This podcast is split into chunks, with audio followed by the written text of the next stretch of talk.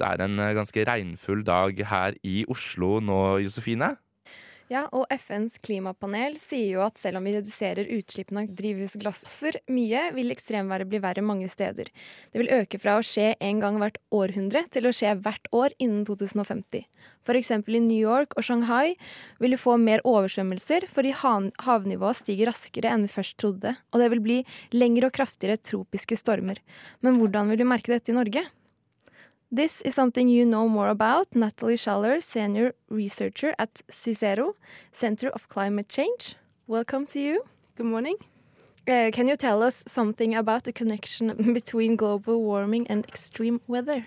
Yes, of course. So basically, a lot of climate science is just statistics. So if you remember some of the statistic lectures and the distributions, I think this is the best way to explain it. So uh, if you think about the temperature in Oslo, for example, um, it looks like something like a bell-shaped curve, where you have the the highest point of the bell would be like the average climate, the average temperature in Oslo, maybe something like 10 degrees, and then on the sides of your bell you have like very cold days and very warm days.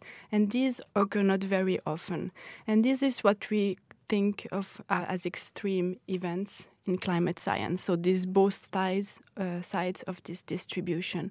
And what global warming is doing to your distribution is basically shifting it towards warmer temperature.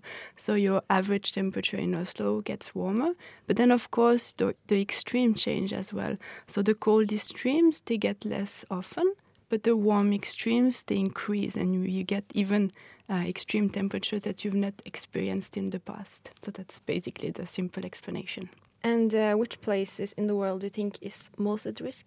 So we often talk about uh, global warming, like 1.5 degrees, 2 degrees, but this is global, and um, there is a lot of differences how different places in the globe are warming. For example, the, all the land parts warm much faster than the ocean parts, uh, and the high latitudes also warm much faster than the tropics. So in that sense, you would think that land on high latitudes, the Arctic, for example, are the places where you see most of the warming.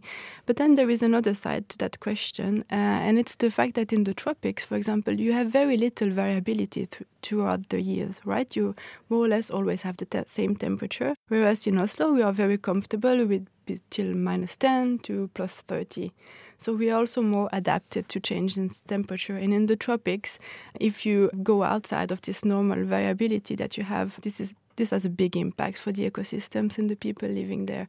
So I would say maybe in the tropic uh, countries, but also at high latitudes. What do you think about Norway? Where is most at risk? So yeah, so in that sense, Norway is a high latitude country, and we have also a lot of uh, mountains. And mountains is also a place where you see a lot of changes with melting of glaciers, thawing of the permafrost, um, and um, so the vegetation is also very um, subjected to changes there. And then um, of course, the coastal regions with the sea level rise, when you have a storm, you can be more at risk of having storm surges and things like that. And uh, also in uh, in Norway, we have seen uh, increases in uh, extreme precipitation and then floods. So this also have an impact for us. Do you think Norway can make a difference if we try? That's a big question. I think we I think if we want to limit global warming, every one of us has something uh, that we can contribute. And Norway being a rich country, we have money, we consume a lot, we fly around a lot. So I think uh, we can really make a difference. Yes, I do believe that. Mm. And can you tell something about the difference between? I think very many people think that environment and climate is the same thing, like you know not throwing garbage out yes. for example. It's not the same as the climate um, problems. Yeah it it's different. If we talk about global warming um, this has not much to do with throwing the garbage in the wrong place or so.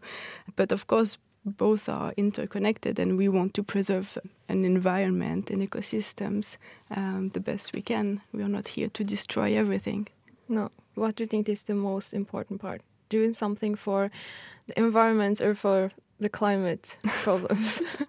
so there are studies who uh, show what's the biggest uh, personal step you can do to um, you know, prevent damage. Uh, and doing things like changing your light bulbs or recycling, this has very little impact compared to not taking a transatlantic flight or living car free or eating a plant based diet. So these are more important things. I think at the moment we should focus maybe on that. And what do you think the world will look like in 50 years if we keep this up? If we continue like that, um, well, it depends where on Earth. Uh, I think places like Norway, we are probably not too bad off because um, maybe towards 10, 2050, if we continue like that, we will have a warming of two degrees more compared than today, a bit more precipitation, but it will still be a very nice place to work, to live, I think.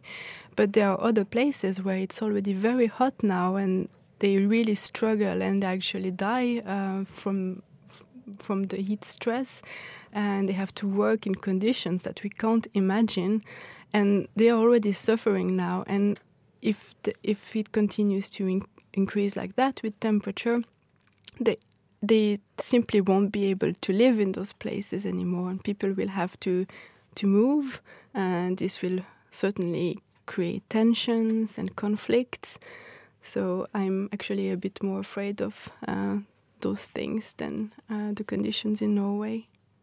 Yeah. And uh, what do you think is the most important thing that people need to remember every day as to do stuff to, if they want to make a change and help? It's yeah, I think it's mostly transport and food where we have the biggest impact and the consumption. Also, think that every time you buy something, it's like a little, you know, you vote in a way if you buy more sustainable products, this means that there is interest in that, and industry and the economy they will shift towards those kind of products compared to like cheap clothes and you know fruit that come from far, far away. Or things like that. So you really have a power every day with, with your money, with what you do. Of course, voting uh, when there are elections. This is very important if you want to engage in your community, uh, talk about climate change with your friends um, and family. Uh, that's also things you can do. Thank you for coming, Nathalie Schaller from Cicero. Thank you.